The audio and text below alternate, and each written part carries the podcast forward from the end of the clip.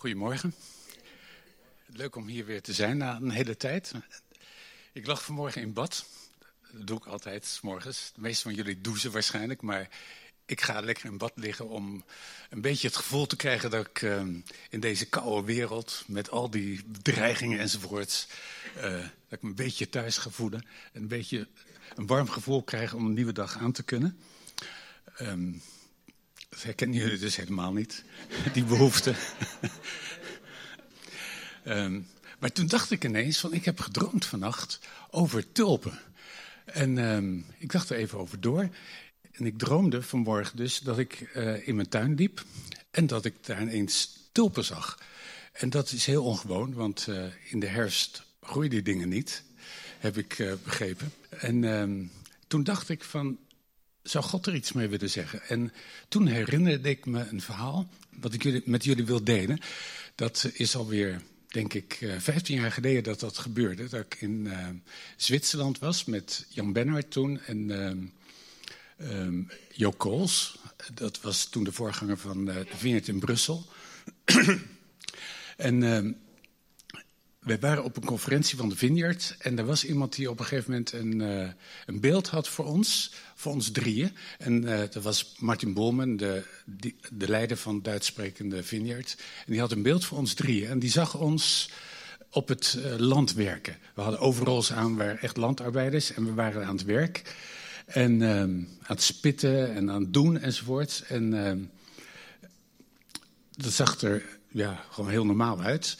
En de mensen die langs liepen, die uh, hadden er ook ja, geen oog voor. Die liepen er soms dwars doorheen wat, wat we aan het doen waren. En, uh, en toen zei Martin, wat jullie aan het doen zijn, is jullie zijn tulpenbollen aan het uh, kweken. En dat is gewoon een, een geconcentreerd werk. Heb je, heb je al je aandacht voor nodig. En wat het mooie is, die tulpenbollen, die zullen blijken na verloop van tijd heel veel te zijn. Dat was in de, daar refereerde die ook aan, in de 17e eeuw denk ik, was dat een hype in Nederland, dat er tulpenbollen um, in zwang kwamen, of hoe zeg je dat, uh, uh, dat, tulpen, dat tulpenbollen hier binnenkwamen.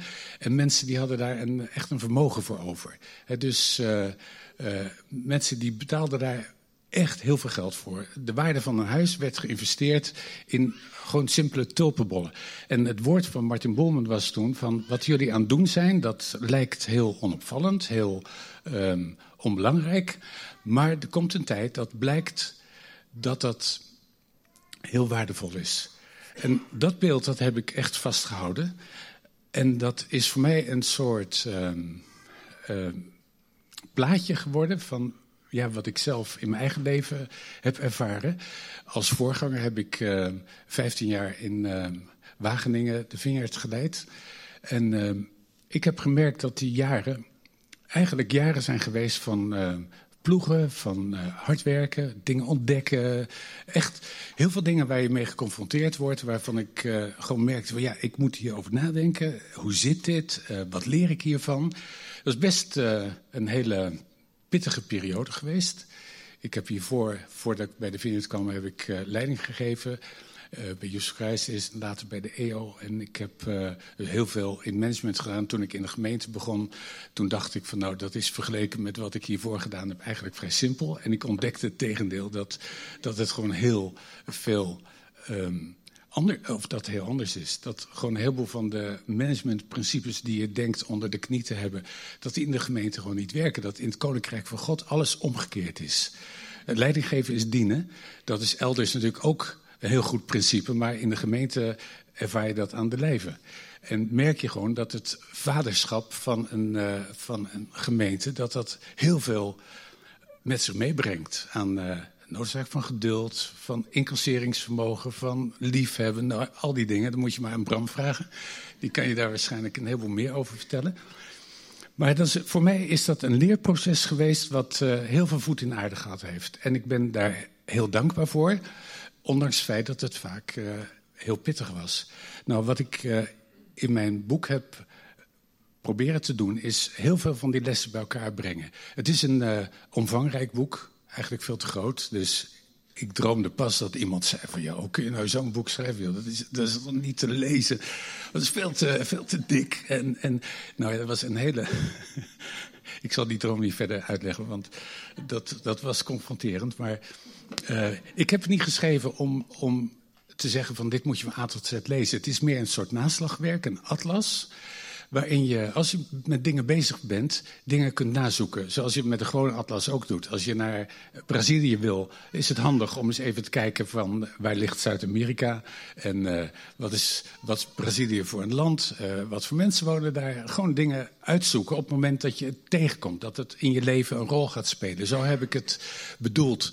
En uh, ik hoop ook dat het een soort ehm, uitgangspunt zal worden voor een multimediale strategie. Daar ga ik nou niet te veel over vertellen, maar we willen met een webmagazine en cursusmateriaal en allerlei andere middelen willen gaan proberen om hier omheen iets in, op gang te brengen.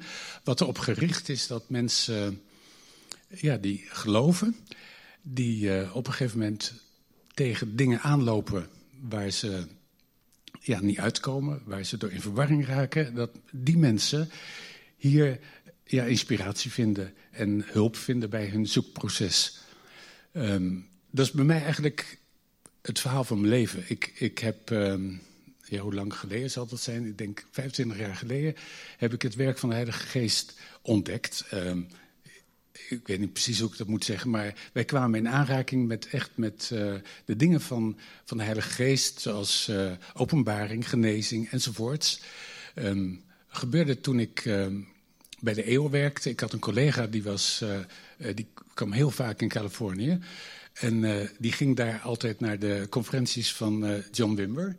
En die man die zei van, je, je, moet echt een keer meegaan. Dus ik had een smoes bedacht van, hoe kom ik in Amerika voor mijn werk? Dus een, een, een reis gemaakt, dat gecombineerd met de conferentie. En ik merkte gewoon van wat daar gebeurde dat uh, was van een andere orde dan wat ik kende.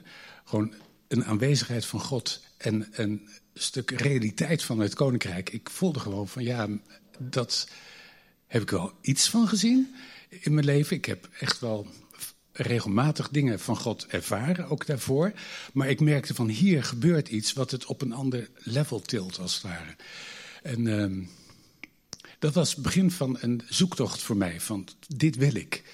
Uh, ik had ook in Jesus Christ al mensen ontmoet die het werk van de Heilige Geest kenden. En ik merkte gewoon van ja, dat is een dimensie van het uh, koninkrijk die ik, uh, ja, die iets bij me wakker maakt, die iets bij me oproept, waarvan ik denk, wil ik, hier wil ik meer van. En wij kwamen toen op een gegeven moment op een conferentie van Bob Gordon. Dat was georganiseerd door het Evangelisch Werkverband. Nee, de Evangelische Alliantie hier in Nederland. En Bob Gordon was een, uh, een theoloog uit Engeland. En die was aan de ene kant heel erg goed onderlegd in de theologie. Had gepromoveerd en nou, ontzettend goede theoloog. En tegelijkertijd stond hij midden in dat krachtenveld van het werk van de Heilige Geest. Ik ben daar toen heen geweest. En uh, ik zal een lang verhaal kort maken.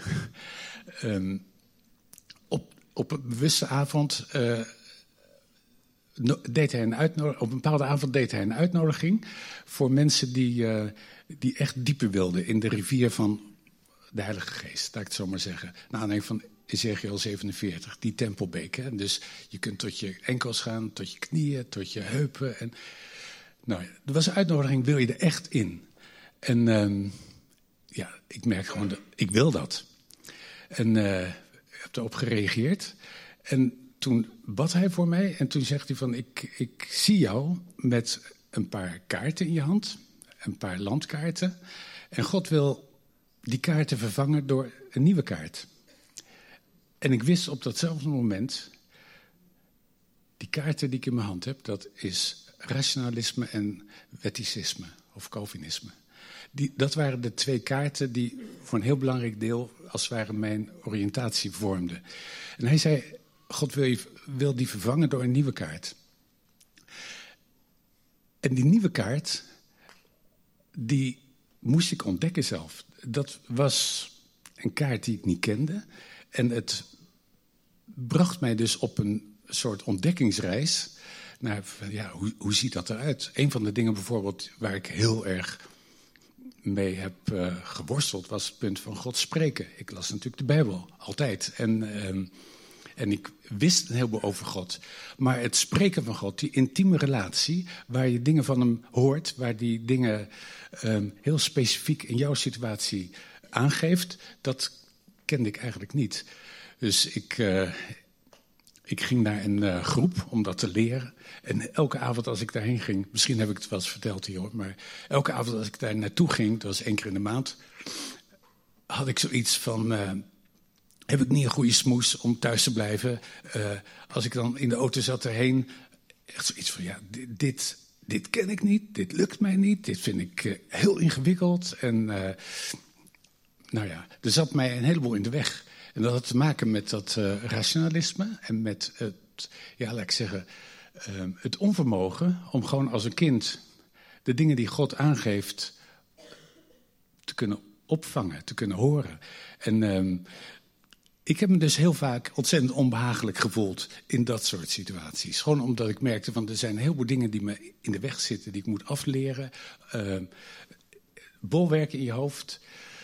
En ehm, ja, dat is best een heel pittig proces geweest voor mij.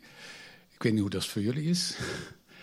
Uh, ik vind spreken van God, die hele persoonlijke relatie, dat vind ik het, uh, ja, dat is het mooiste. Dat is de kern eigenlijk van het christen zijn. Dat je, net als Jezus, ja, die intimiteit met de Vader mag ervaren. En tegelijkertijd, uh, ja, is dat zo anders dan wat je leert op school en hoe je leert functioneren in, in deze cultuur. Um, dus ja, dat was voor mij een hele, heel ingrijpend proces. Een tijd geleden las ik een verhaal over een onderzoek dat ze in Amerika hebben gedaan over uh, onder christenen. Van, als we nou was sociologisch onderzoek, als we nou eens goed kijken naar wat is nou de kern van het geloof van uh, de doorsnee christen. En die kwamen tot de conclusie van eigenlijk is, is het christen zijn voor heel veel mensen een soort moralistisch, therapeutisch vorm van deïsme.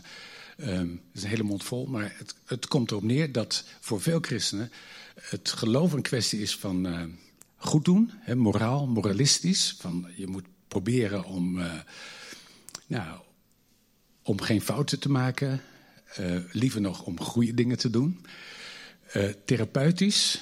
Uh, het geloof is vooral een kwestie van zorgen dat je je lekker voelt, dat je je goed voelt, dat je het idee hebt van, uh, nou ja, ik ben niet alleen en ik heb houvast als ik dat nodig heb, ik zit goed in mijn vel. Maar ten diepste deïstisch. Dus deïsme dat is een, um, een soort filosofie waarbij gezegd wordt, natuurlijk is er een God, maar die God die heeft zich als het ware teruggetrokken. Die heeft ons gemaakt, maar vervolgens uh, mogen we het zelf uitzoeken. Of moeten we het zelf uitzoeken. Dus een, uh, dat is iets uit, ik geloof, de 19e eeuw. Dus toen de mensen in de gaten kregen van uh, um, de wetmatigheden van de schepping enzovoorts in de gaten kregen, toen concludeerden ze van ja, als we weten hoe de dingen werken, dan kunnen we er zelf mee aan de gang gaan. Dus eigenlijk zoiets van nu zijn we volwassen geworden, nu weten we hoe uh, de dingen werken en nou doen we het zelf. En hooguit doe je een beroep op God op het moment dat je er niet uitkomt. Uh, dus God wordt op afstand geplaatst. En uh, ik denk dat dat het levensgevoel is van heel veel mensen gewoon in zijn algemeenheid, maar ook van heel veel christenen. Dat die nabijheid van God en die afhankelijkheid van God en het feit dat God echt ons wil um, ja, aansturen, tot ons wil spreken, uh, wil aangeven welke deur die open wil doen enzovoort, dat is van een andere orde. En um, ik denk dat dat in het koninkrijk helemaal bij hoort. Dat je zegt van ja, als je deel bent van het koninkrijk, dan ga je ontdekken dat het niet een kwestie is van, nou ja, um, hoe zorg ik dat ik later in de hemel kom, maar dat God ons hier heeft geplaatst met een bedoeling. Dat we deel zijn van een verhaal. Dat we uh, bedoeld zijn om in zijn koninkrijk onze plek in te nemen. Dat is een heel ander verhaal eigenlijk dan wat veel mensen hebben. En ik denk dat heel veel mensen ook zo'n verhaal missen voor hun leven. Ik las pas in de krant een interview met een schrijver die een boek heeft geschreven over burn-out. En die plaatste dat helemaal in de context van het feit dat heel veel mensen, jonge mensen ook, of jongvolwassen mensen, burn-out raken. Omdat ze, omdat ze eigenlijk het idee hebben van ik moet mijn eigen verhaal schrijven. Ik moet als het ware voor mezelf en voor mijn omgeving duidelijk maken dat ik weet waarom ik er ben. Wat de bedoeling is, dat ik het aan kan, dat ik mooie ideeën, mooie idealen heb enzovoorts.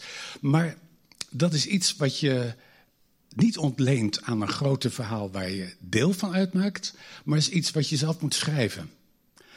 En dan realiseer je van op het moment dat dat verhaal ergens vastloopt, of dat het afbreekt, of dat het niet werkt zoals je het had gehoopt, eh, dan, dan verlies je als het ware um, ja, het gevoel van: ik ben er met een reden.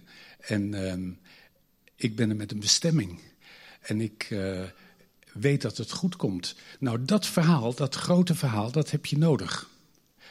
Er wordt wel eens gezegd dat postmodernisme de grote verhalen heeft, uh, of ons heeft wijsgemaakt dat de grote verhalen niet meer bestaan. Um, dat is voor een deel waar. Dus vroeger dacht, uh, nou, dit, voert te ver. Die laat ik even liggen, sorry. Ik had, ik had pas een vriendin, die, die, of een vriendin van mij, die vertelde pas van. Uh, die had een droom over mij gehad. En die zei van. Uh, ik zag je lopen met twee hele grote koffers. Probeerde ergens binnen te komen. Maar die koffers waren veel te groot. Dat was onhanteerbaar.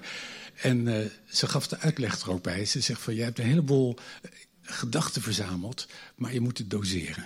Je moet dingen weglaten.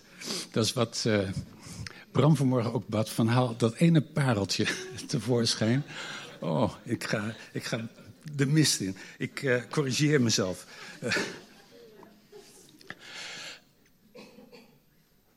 dat grote verhaal, dat hebben we echt nodig. En wat ik denk is dat een van de paradoxen die daarbij ons in de weg zitten, dat is de paradox van verstand en geloof.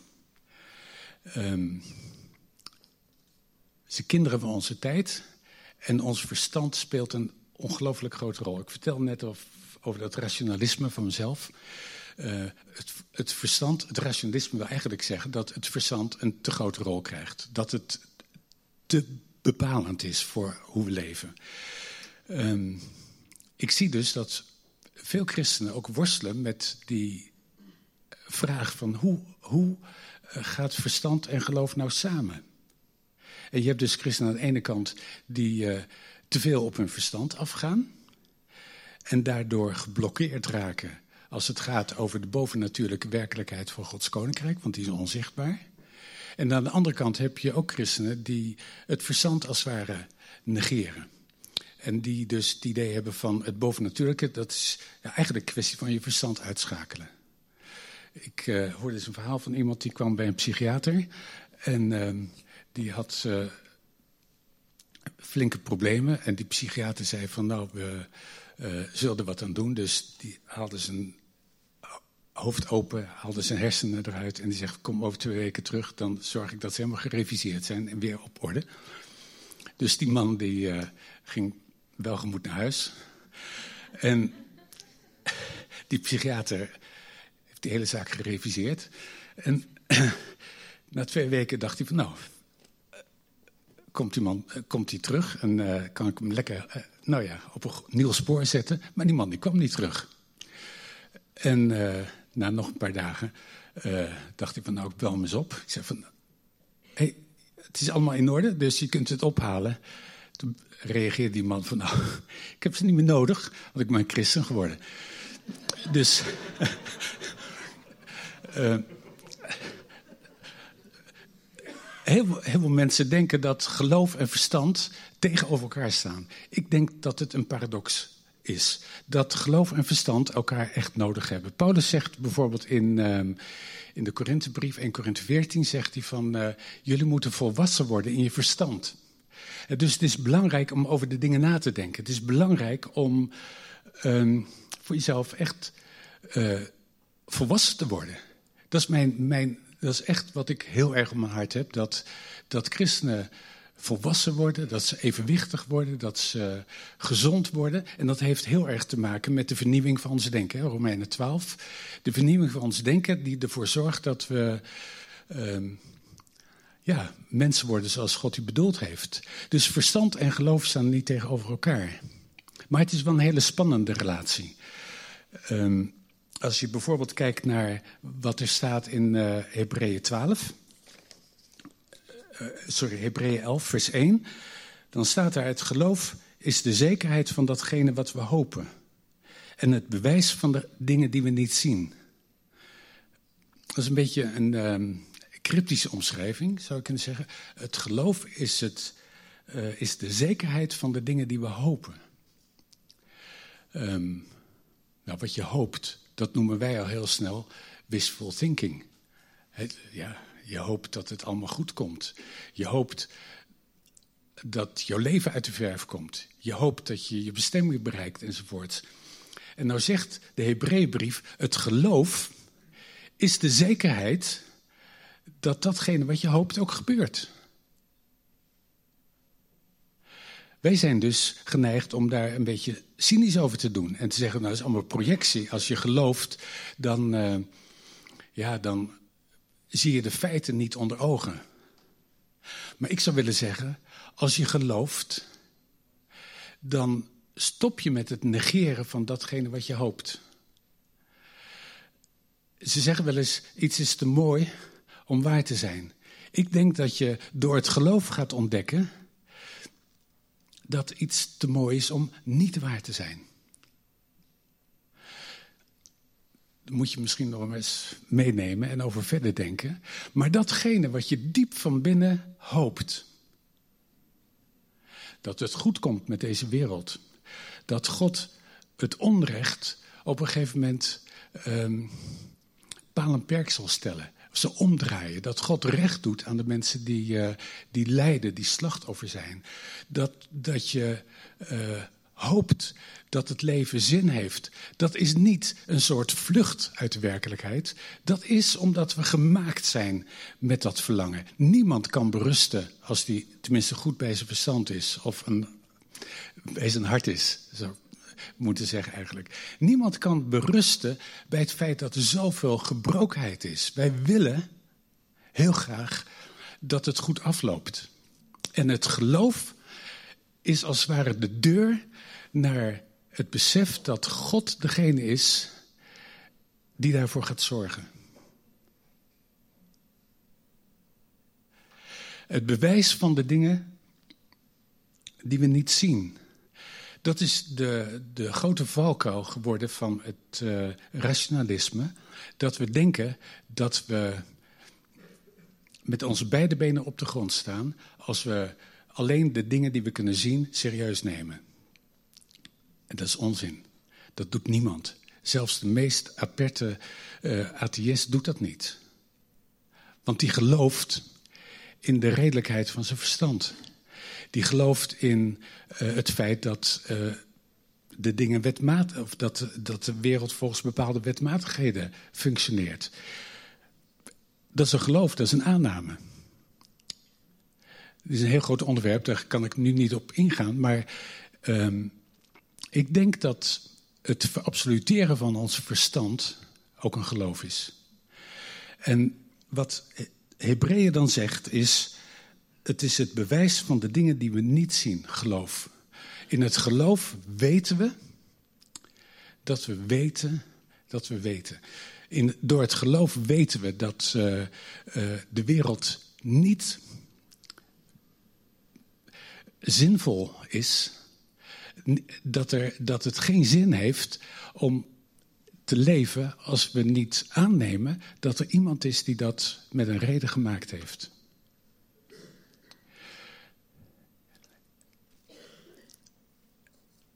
En ik denk dus dat in die zin um, geloof en verstand heel dicht bij elkaar komen. En dat het. Um, dat je niet als het ware gevangen hoeft te blijven zitten in de um, ogenschijnlijke tegenstrijdigheid van als je weldenkend bent, dan is geloof dus ja, een sprong in het duister. Of iets, nou ja, um, wat eigenlijk nergens op slaat. Dat brengt me, en daar zou ik het op toe willen spitsen vanmorgen, bij de vraag van hoe ontvang je dat? Ik weet niet of je herkent dat spanningsveld, of je daarmee worstelt. Ik heb er heel veel mee geworsteld. Maar ik denk dat, uh, dat de Bijbel ons uitdaagt om het uit te proberen. Dat de Bijbel ons uitdaagt om de proef op de som te nemen. En uh, laat ik dat illustreren met uh, een paar verhalen uit Johannes over Jezus. Uh, in het Johannes-evangelie worden zeven wonderen beschreven. Johannes-evangelie is een heel ander evangelie dan de andere. En in het Johannes-evangelie um, worden die zeven ik-bens van Jezus neergezet. Dus Johannes is heel erg bezig om te laten zien van... Uh, um, Jezus is echt uniek. Hij is degene in wie we God kunnen zien.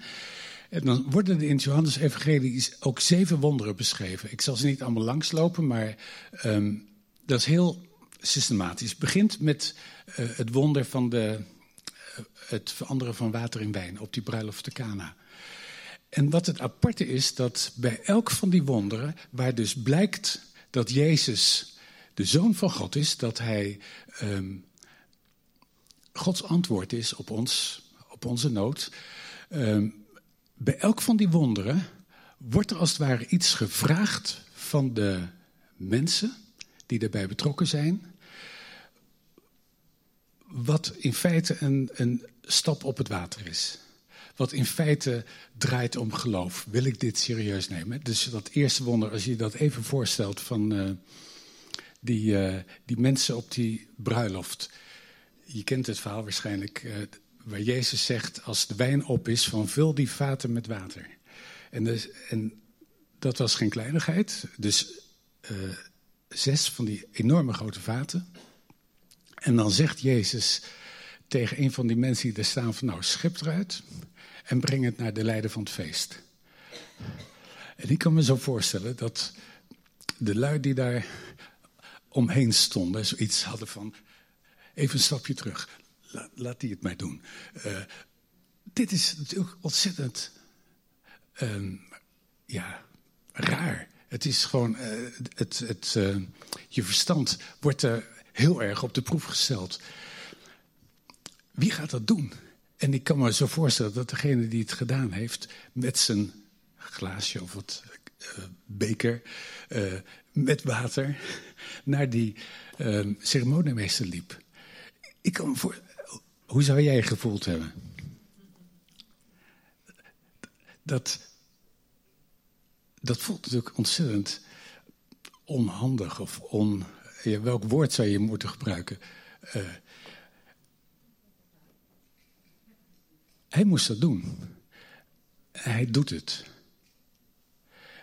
En dan zegt die ceremoniemeester van... Wow, wat is dit? Wat is hier gebeurd?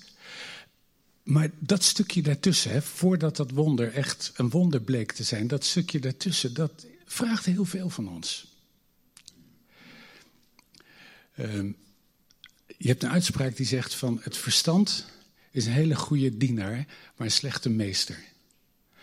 Snap je die? Het verstand is een hele goede dienaar, maar een slechte meester. Als je je verstand hier de voorrang had gegeven, dan had je gezegd: ja, ben gek? Ga ik absoluut niet doen. En ik denk dat God ons daarin heel vaak uitdaagt en prikkelt.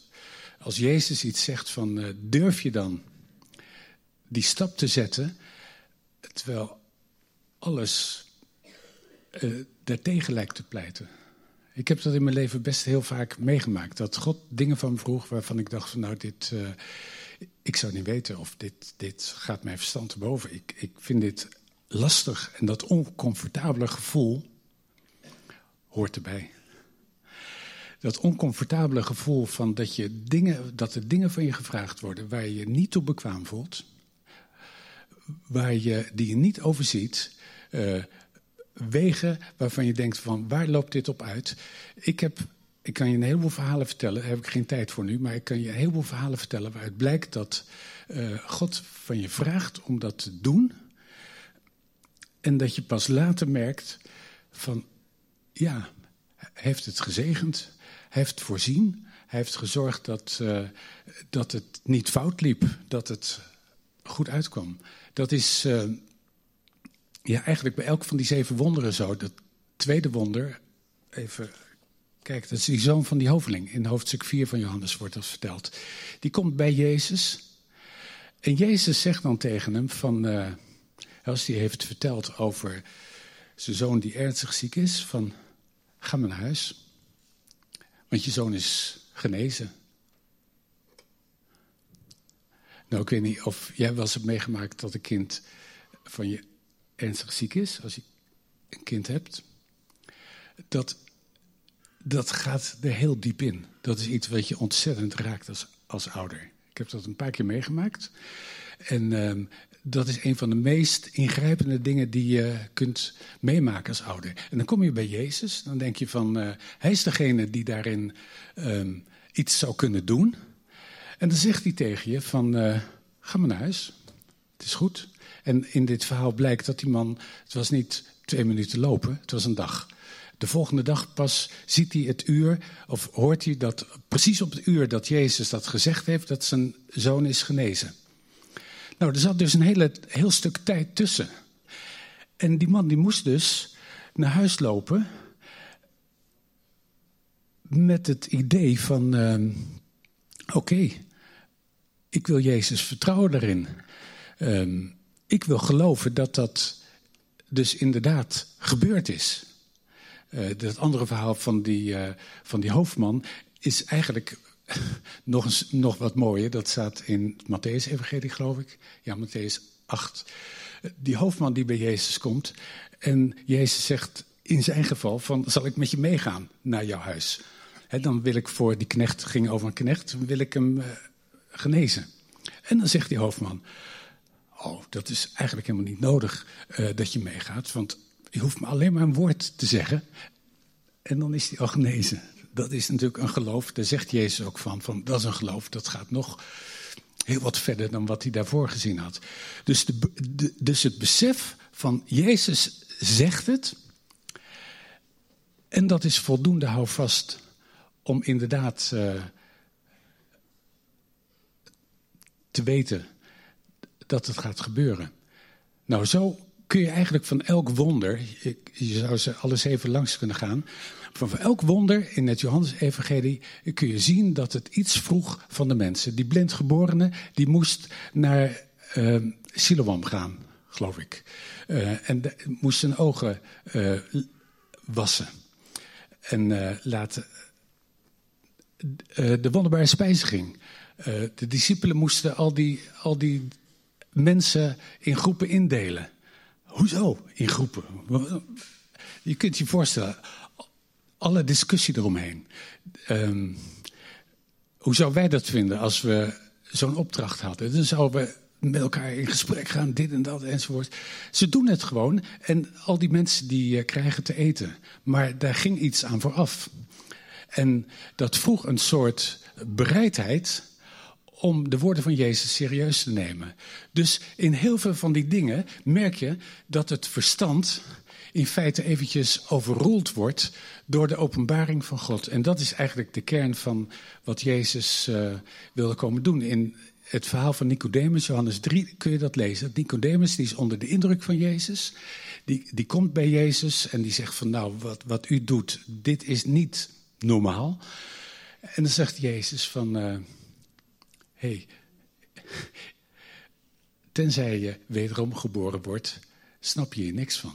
Dat is behoorlijk frontaal wat Jezus daar doet. Je zou kunnen zeggen van, uh, uh, had hij niet iets sympathieker kunnen reageren. Zo van, nou, heel fijn dat je het ziet. En uh, ik, nou, ik wilde best wat verder met je over praten. Hij is heel frontaal en zegt van, luister eens, je ziet van het Koninkrijk van God helemaal niks. Als je niet opnieuw geboren wordt, dan krijg je die discussie die dan eigenlijk erop neerkomt dat Jezus zegt van... Um, de geest, je hebt de geest nodig. Um, je kunt het met je al je theologische inzicht, al je uh, kennis enzovoorts, kun je het niet pakken. Je hebt openbaring nodig. Het, hij zegt dan ook, de wind waait waarheen die wil. Je hoort zijn geluid, maar je ziet hem niet. Zo is het met het werk van de Heilige Geest. God wil iets in ons doen door zijn geest, waardoor we van boven geboren worden. En waardoor we de dingen van het koninkrijk kunnen gaan ontvangen. Waardoor ook ons verstand op de juiste plek komt te staan. En wij dus mensen worden die in dat opzicht in balans zijn. Ik denk dat ik het maar hierbij laat. Ik weet helemaal niet. Ja, het is tijd, zo ongeveer. Uh, maar ik zou hier wel graag voor willen bidden. En uh, samen willen uh, vragen aan, God of die ons, um, ja, wat dat betreft, in balans wil brengen. Zodat we mensen worden die, um, ja, zoals kinderen dat doen, met de dingen van het koninkrijk vertrouwd raken. En uh, openbaring kunnen ontvangen. Dat God tegen ons kan spreken.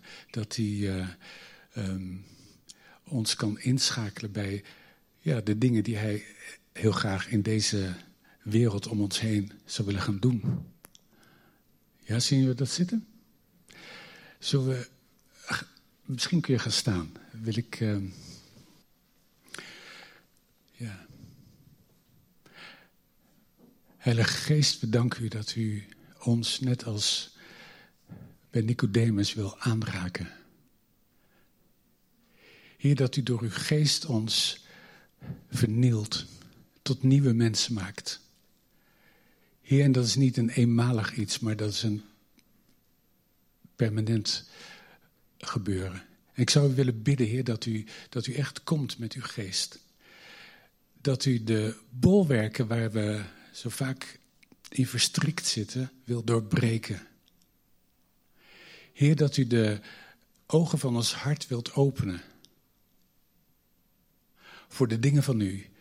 Heer, zodat datgene wat we diep van binnen allemaal hopen. Heer, dat u echt betrokken bent. Dat u ons echt wil inschakelen. Dat u echt een plan heeft voor ons leven en voor deze wereld, Heer, de dingen die we hopen, dat die als het ware uh, een zekerheid worden. Heer, wilt u het verstand, ons verstand, wat zo'n prachtig instrument is, wat u ons heeft toevertrouwd, wilt u het op zijn juiste plek zetten? Heer, wilt u doorbreken dat het zo ontzettend vaak um, de rol van meester in ons leven inneemt. In plaats van dat u de meester bent. En ons verstand ons dient. En ik geloof dat we hier met een van de sterkste bolwerken in de geestelijke wereld te maken hebben. En dat dit bolwerk van het rationalisme, dat het ons weerhoudt van het leven in het krachtenveld van God. En daarom wil ik je zegenen met... Uh, ja, openbaring. Met een doorbreken van dit bolwerk. Heer, we willen het aanspreken. We willen die te grote afhankelijkheid van ons verstand. willen we bij uw kruis brengen. We willen het als een soort uh, krijgsgevangene bij u brengen. Heer, en tegen u zeggen: Vader, we hebben het nodig dat u ons daarvan bevrijdt. En we hebben zo'n verlangen dat u met uw openbaring een grotere rol in ons hart, in ons leven kunt gaan spelen. Heer, zodat we ook bruikbaar zijn in het plan van u voor ons. Dus in de naam van Jezus wil ik autoriteit nemen over dit bolwerk. En als je daarin uh, ja, die zegen wil ontvangen, wil ik, je, ja, wil ik je vragen om je handen open te doen. En te ontvangen wat God voor je heeft. Die intieme omgang met Hem, waardoor je elk moment van je leven weet dat God bij je betrokken is en dat Hij tot je spreekt. En dat Hij je leidt. En dat Hij je gedachten te binnen brengt. Dat Hij je dromen geeft. Dat Hij je gezichten laat zien dat hij je heel specifiek gaat leiden. In de naam van Jezus. Heer, wilt u komen met uw geest. En ons maken van mensen die zelf proberen uh, u te dienen, tot mensen die ja, het van u ontvangen. En van daaruit ook beschikbaar zijn.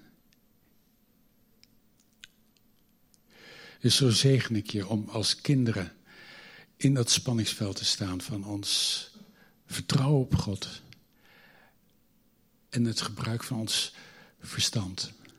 In de naam van Jezus. Amen.